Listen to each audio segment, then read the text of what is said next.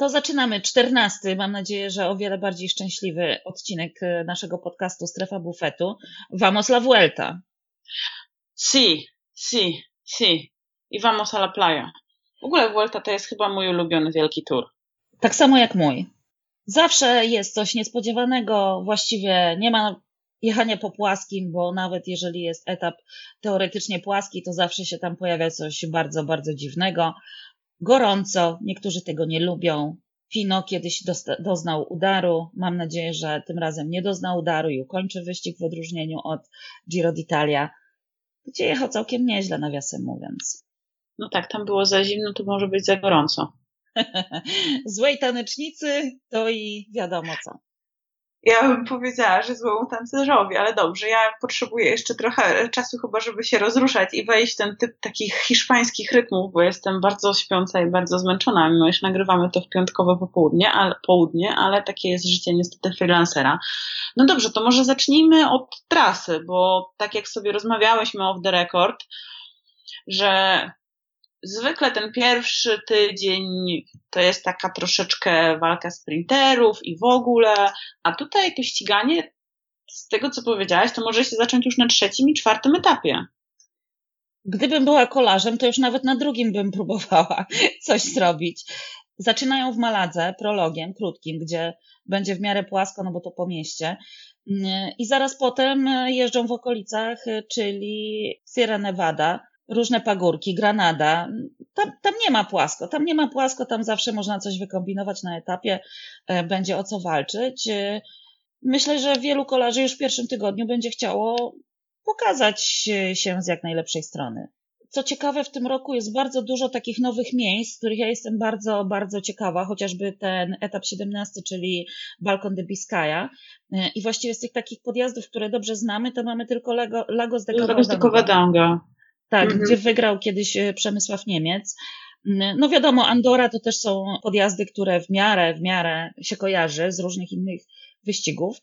Natomiast tych nowych miejsc będzie trochę. Jestem ciekawa, jak będą wyglądały te podjazdy, jak będzie wyglądała walka na tych podjazdach, bo z mojego doświadczenia wynika, że te poglądówki etapów na Vuelcie bardzo często mijają się z rzeczywistością, bardzo często. To znaczy profil wygląda na taki sobie, a potem się okazuje, że jest co jechać i robią się spore różnice gdzieś tam w końcówce, nawet na jakiejś takiej małej ściance. Czyli taka hiszpańska mentalność pełną gębą po prostu. Nie wiadomo, co się stanie, day by day, maniana. Maniana. tak. I trzeba, inne. Tak, i codziennie trzeba jechać tak naprawdę na 100%, bo mówię, to jest wyścig nieprzewidywalny, też trochę nieprzewidywalne jest to, w jakiej kto przyjechał formie. Jest też spora lista faworytów. Bardzo duża lista bo faworytów. Między innymi e, są bracia Yates, no tutaj będą jechać na Simona, który zajął drugie miejsce e, w Tour de Pologne, tak rzutem na taśmę. E, jest Nibali, który wraca po kontuzji, jest Zakarin, jest Fabio Aru, jest ten nieszczęsny Richie Port, który ponoć nie pojawił się na prezentacji ekipy ze względu na problemy żołądkowe, a przynajmniej tak do, donosiła oficjalne konta w mediach społecznościowych BMC Racing, że Richie już miał problemy małe żołądkowe, ale obiecano, że w sobotę zobaczymy go na starcie. Jest Pino, który deklarował, że e, przynajmniej chciałby jakiś etap ogolić, a że czuje się też przed tą Vueltą dobrze i całkiem pozytywnie ocenia to, co udało mu się zrobić na Tour de Cologne również. Co ciekawe, z numerem jeden jedzie Vincenzo Nibali i jest to taki trochę przytyczek w nos wobec ekipy Sky, bo Nibali zajął drugie miejsce w ubiegłym roku. E, zwycięzcy w wyścigu nie mamy, ale zazwyczaj właśnie drużyna, która wygrała w poprzednim... Dostawała, tak. Chociaż na Vuelcie wszystko rządzi się swoimi prawami, bo w zeszłym roku z numerem jeden jechał Alberto Contador. Z wiadomych przyczyn, że tak, kończył że... karierę. Tak, tak, tak. A w tym roku doceniono Vincenzo Nibaliego, którego wielu uważa za moralnego zwycięzcę tej Vuelty ubiegłorocznej w związku z wiadomą sprawą e, Chrisa Fruma. W ogóle to muszę przyznać, że jak się dzisiaj przygotowywałam do naszego podcastu i czytałam sobie różne newsy dotyczące Vuelty, to e, Frum był bardzo taki zaintrygowany, był żywo zainteresowany tym, co się dzieje przed komputerem, więc przeszkadza mi na wszelkie możliwe sposoby. Także może coś w tym jest. A sam Frum, czyli z ubiegłoroczny zwycięzca wraz z Geraintem Tomasem wybierają się na Tour of. Tour of Britain. Tak, i jak niektórzy złośliwie żartują, e, Chris Froome nigdy wcześniej nie spędził tylu dni ciągiem, longiem w Wielkiej Brytanii, jak podczas tego wyścigu. No, po prostu kochał swoje pytony musiał być z nimi blisko, no. A teraz kocha Monako. I słusznie, też bym wybrała Monako. No pewnie tak. Y, to tak y, w ramach y, malutkich uszczypliwości. I w ramach malutkich sucharów, bo nam ostatnio żartowanie jakoś nie wychodzi. tak. Natomiast wracając do Nibaliego, sam Nibali mówi, że on jest w kiepskiej formie w tej chwili, że 16 dni przed Vueltą dopiero rozpoczął treningi i tak naprawdę ma nadzieję na to, że w trzecim tygodniu uda mu się wygrać jakiś etap, a tak naprawdę chodzi o to, żeby przygotować się do mistrzostw świata, gdzie Nibali, jeżeli pojedzie całkiem fajnie tą Vueltę, nie mówię o klasyfikacji generalnej, tylko właśnie będzie widać, że, że mu ta forma rośnie, to moim zdaniem będzie jednym z głównych faworytów y, na Mistrzostwach Świata. No i tutaj też, skoro już wywołałaś ten wątek Mistrzostw Świata i przygotowywania się do nich kolarzy, e, to między innymi dla Michała Kwiatkowskiego będzie to bardzo ciekawa Vuelta. Po pierwsze dlatego, że będzie to jego drugi wielki tur w sezonie. E, po drugie dlatego, że to też będzie dla niego pewnego rodzaju e, przygotowanie do Mistrzostw Świata w Innsbrucku i, przypuszczam, że dla Kwiatka to fajnie byłoby tę koszulkę tęczową założyć e, po raz drugi. No i jakby noga była na Tour de Pologne, pokazał, że ta noga była. Ekipę też ma ciekawą bardzo, bo to jest taki miks dosyć eksperymentalny, można by nawet było powiedzieć. Czy nie? Tak, tak. Y, bardzo, bardzo mnie rozbawiło to, że jego pomocnikiem na tym wyścigu będzie Dylan Van Barle, który kiedyś zabrał mu zwycięstwo w Tour of Britain właśnie. I kiedy z nim wtedy rozmawiałam, powiedziałam, no, że taki kolarz z drugiej półki, z drugiej ligi zwyciężył, odebrał mu to zwycięstwo, na co Michał Kwiatkowski się strasznie obruszył i powiedział, że Dylan van Barle jest świetnym kolarzem i jest i był świetnie przygotowany do tego wyścigu i tak dalej. I e, od tej pory nigdy nie klasyfikuję kolarzy jako drugoligowych, bo mi się głupio zrobiło. No bo po prostu nie ma słabych drużyn, jak wszyscy wiemy, nie ma słabych kolarzy, jak też wszyscy wiemy. W Werturze, tak. To ja się akurat pod tym podpisuję. Będzie De La Cruz, będzie Enao w Team Sky, będzie wspomniany Dylan Van Barle, będzie Theo, Theo Hart, będzie Sivako, który z y, Kwiatkowskim jechał Tour de Pologne. Powiem szczerze, jestem bardzo ciekawa, jak Michał Kwiatkowski zaprezentuje się na tym wyścigu, dlatego że on w odróżnieniu od y, wszystkich kolarzy, którzy jechali Tour de France, y, niezależnie od tego w jakiej roli, to jednak zrobili sobie przerwę pomiędzy Wielką Pętlą a Vueltą, a Michał A Michał jechał. Jechał Tour de Pologne mm, i to może mieć moim zdaniem znaczenie, jeśli chodzi o regenerację. Więc myślę, że jeżeli mu nie pójdzie tak walka o tę klasyfikację generalną, co zapowiada Braceford w jakimś tam komunikacie prasowym, że jednak tutaj chcieliby zobaczyć Kwiatkowskiego walczącego o klasyfikację generalną, no to po prostu będzie miał świetne przygotowanie do, Mistrzostw Świata i tyle. Jak rozmawiałyśmy sobie też tak off the record e, w ubiegłym tygodniu, nagrywając, nawet chyba w tym tygodniu, nagrywając ten odcinek 13 e, podcastu, ty rzuciłaś taką bardzo, bardzo, bardzo ciekawą teorię dotyczącą właśnie naszych e, chłopaków, naszych chłopaków, naszych polskich kolarzy, którzy startują w Vuelta Espania, a jest tych kolarzy dwóch. Jeden z nich to Michał Kwiatkowski, drugi z nich to Rafał Majka. No i, ja też rzuciłam taką hipotezę, że całkiem niewykluczone, że żaden z nich nie O to mi chodziło właśnie. O to mi chodziło właśnie. Yy, dlatego, że Michał Kwiatkowski, jeżeli będzie faktycznie zmęczony, a, a mimo to będzie czuł, że forma jest yy, całkiem niezła, to moim zdaniem się wycofa, żeby jednak się gdzieś zregenerować yy, do tych mistrzostw świata żeby nie jechać tych mistrzostw świata na bardzo, bardzo dużym zmęczeniu. I podobnie może być w przypadku Rafała Majki, bo jednak Vuelta nie jest jego celem. Jego celem jest tutaj wygranie etapu, jak zapowiadała jego drużyna i on sam, e, że on nie będzie w klasyfikacji generalnej partycypował. Trochę szkoda może. Uważam, że być może powinien nie tracić czasu od początku wyścigu, tylko jednak się na nim pilnować. No tak jak już mówiłyśmy, tak? Ty to już byś zaczęła. Gdybyś była kolarzem, to już byś zaczęła szaleć na drugim etapie, tak? No tak, można wziąć czerwoną koszulkę i, i potem jej bronić. Zawsze łatwiej bronić niż atakować. Jak się ma drużynę oczywiście fajną. Bo tu jednak jest wymagana współpraca przy bronieniu. Z, chyba znacznie większa niż nawet przy zdobywaniu, bo przy dobrych wiatrach można samemu gdzieś tam pokazać się bardzo dobrze w górach, a potem już jednak e, jak się broni, to trzeba mieć kolegów do pomocy. Ciekawy skład ma też BMC na tę Vueltę. No już abstrahując od tego biednego Richiego Porta, który ma problemy żołądkowe, no to jednak też jest e, Rohan Dennis, który z pewnością będzie próbował przytulić sobotę na pierwszym etapie tę czerwoną koszulkę, bo to jest jazda indywidualna na czas i pamiętajmy, że BMC było znane z tego, że bardzo dobrze jeździ na czas, a Denis to wielokrotny mistrz Australii w tej dziedzinie. Mają Roacha, mają Dylana Toynsa, mają Demarkiego, więc y, też będzie szansa nie tylko dla Porta, żeby walczyć w generalce, ale również dla tych chłopaków, którzy jadą ostatni wielki tur w barwach BMC, bo część z nich odchodzi, część z nich będzie reprezentować barwy BMC już pod y, brandem CCC, więc zawsze też może, może być chęć, y, aby jakiś etap przytulić. No pewnie tak, zobaczymy jak wypadnie pechowiec y, Richie Porte. Ja szczerze powiedziawszy, jak rozmawiałyśmy o pechowcu Gerancie Tomasie, to Richie, Richie go przebił. Tak, Richie go zdecydowanie przebija. I też on jest taką wieczną nadzieją na to, że będzie walczył udanie na jakimś wielkim turze o klasyfikację generalną i jeszcze nigdy mu się to tak naprawdę nie udało. No, w odróżnieniu, ten... tak, biedny ten Porte, w odróżnieniu biedny. od y, kilku innych kolarzy, którzy tutaj będą jechać. Jest Quintana, który wygrał Vueltę, mm, jest Nibali, który wygrał trzy wielkie tury. Już mówiłyśmy, że tam nie wiadomo jak z jego formą. Tak. Jest Alejandro Valverde, który też wygrał Vueltę i to jest jego jedyny wielki tur na koncie. Myślę, że Valverde raczej tu będzie o etapy walczył. I jest Fabio Aru, który również wygrał Vueltę i też jedzie z dosyć ciekawą ekipą, z Danielem Martinem, który lubi takie podjazdy, jakie są na Vuelcie. Więc tutaj też może być ciekawie może być ciekawie, to prawda. No i ja są jeszcze bardzo... bracia, tak? Yates, właśnie tak, miałam to powiedzieć, że ja jestem właśnie Yatesów bardzo ciekawa.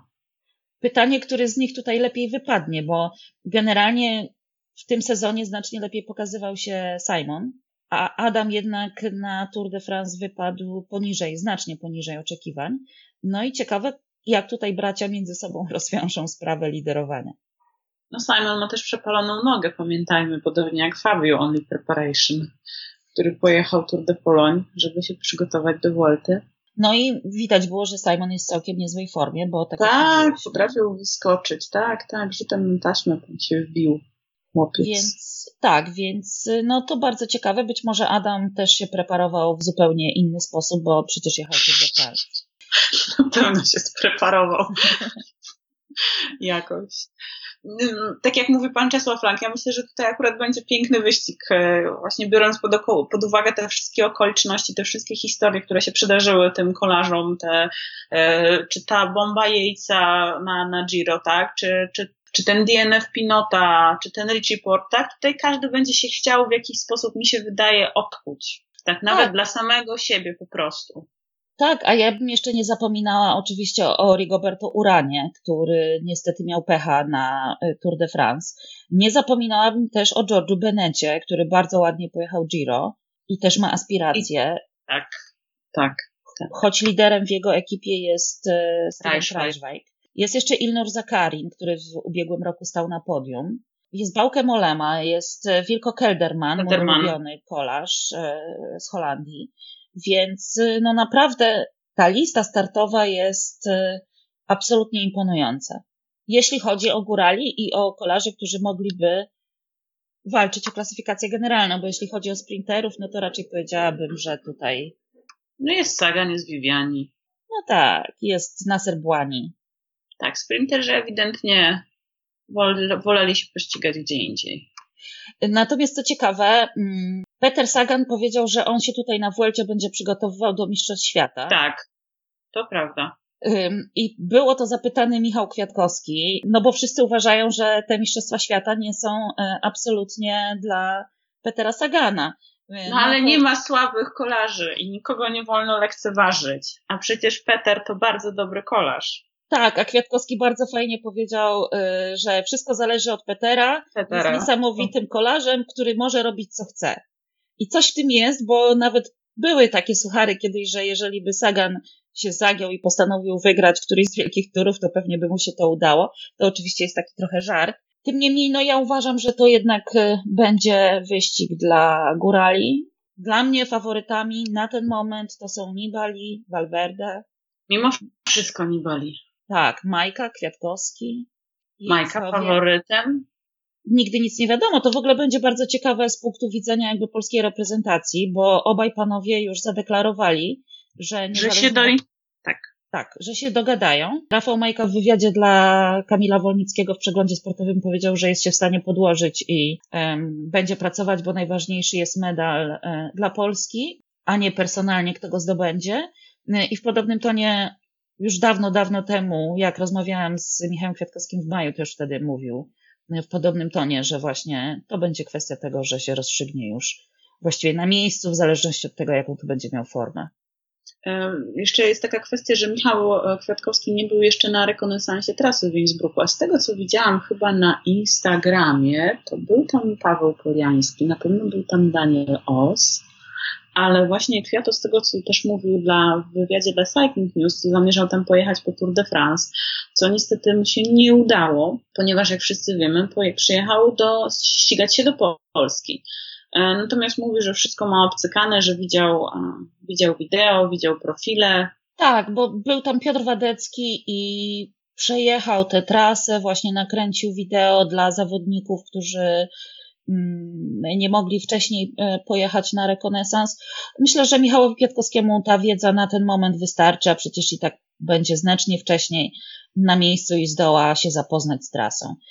Tam jest jedna zmienna, czy inaczej, tam jest bardzo istotna jedna rzecz, że po tym ostatnim podjeździe jest naprawdę taki bardzo trudny techniczny zjazd do mety. Stąd ja cały czas uważam na ten moment, że to faworyzuje kolarzy, którzy potrafią bardzo dobrze zjeżdżać, czyli właśnie Nibali, Valverde, Kwiatkowski.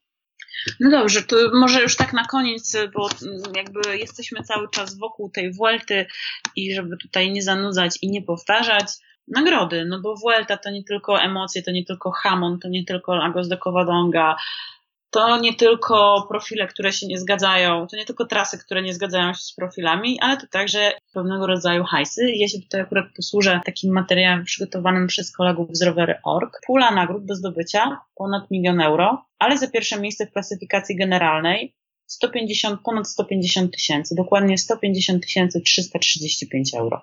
I pamiętajmy, że to oczywiście wpływa do kasy ekipy i jest dopiero potem rozdzielane. Za drugie miejsce jest 57 tysięcy, a za trzecie 30. I jest to znacznie mniej niż podczas e, Tour de France. I nawet mniej są, niż e, podczas Giro d'Italia. Są to w ogóle e, małe pieniądze, tak mi się wydaje. Biorąc pod uwagę wysiłek, przygotowanie, to przez jaki czas trzeba tę formę utrzymywać, małe. No dobrze, to może tak już trochę kończąc. Kończąc. Zapytam Cię o przewidywanie, jak będzie wyglądało podium. Ja mam strzelać? No, strzelaj, zobaczymy potem. Nie lubię tego, bo to wyciągają potem tak chamsko. No dobra, to ja strzelę sercem, nie rozumiem, bo i tak zawsze mi rozumu brakowało. To ja bym strzeliła, że będzie, na, że będzie w pierwszej trójce Pino.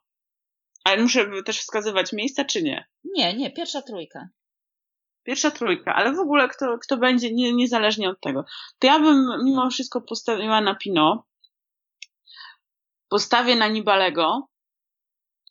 Kurczę, trochę, trochę się zastanawiam, czy tak z przekory, by nie postawić na tego wiecznego pechowca Richiego.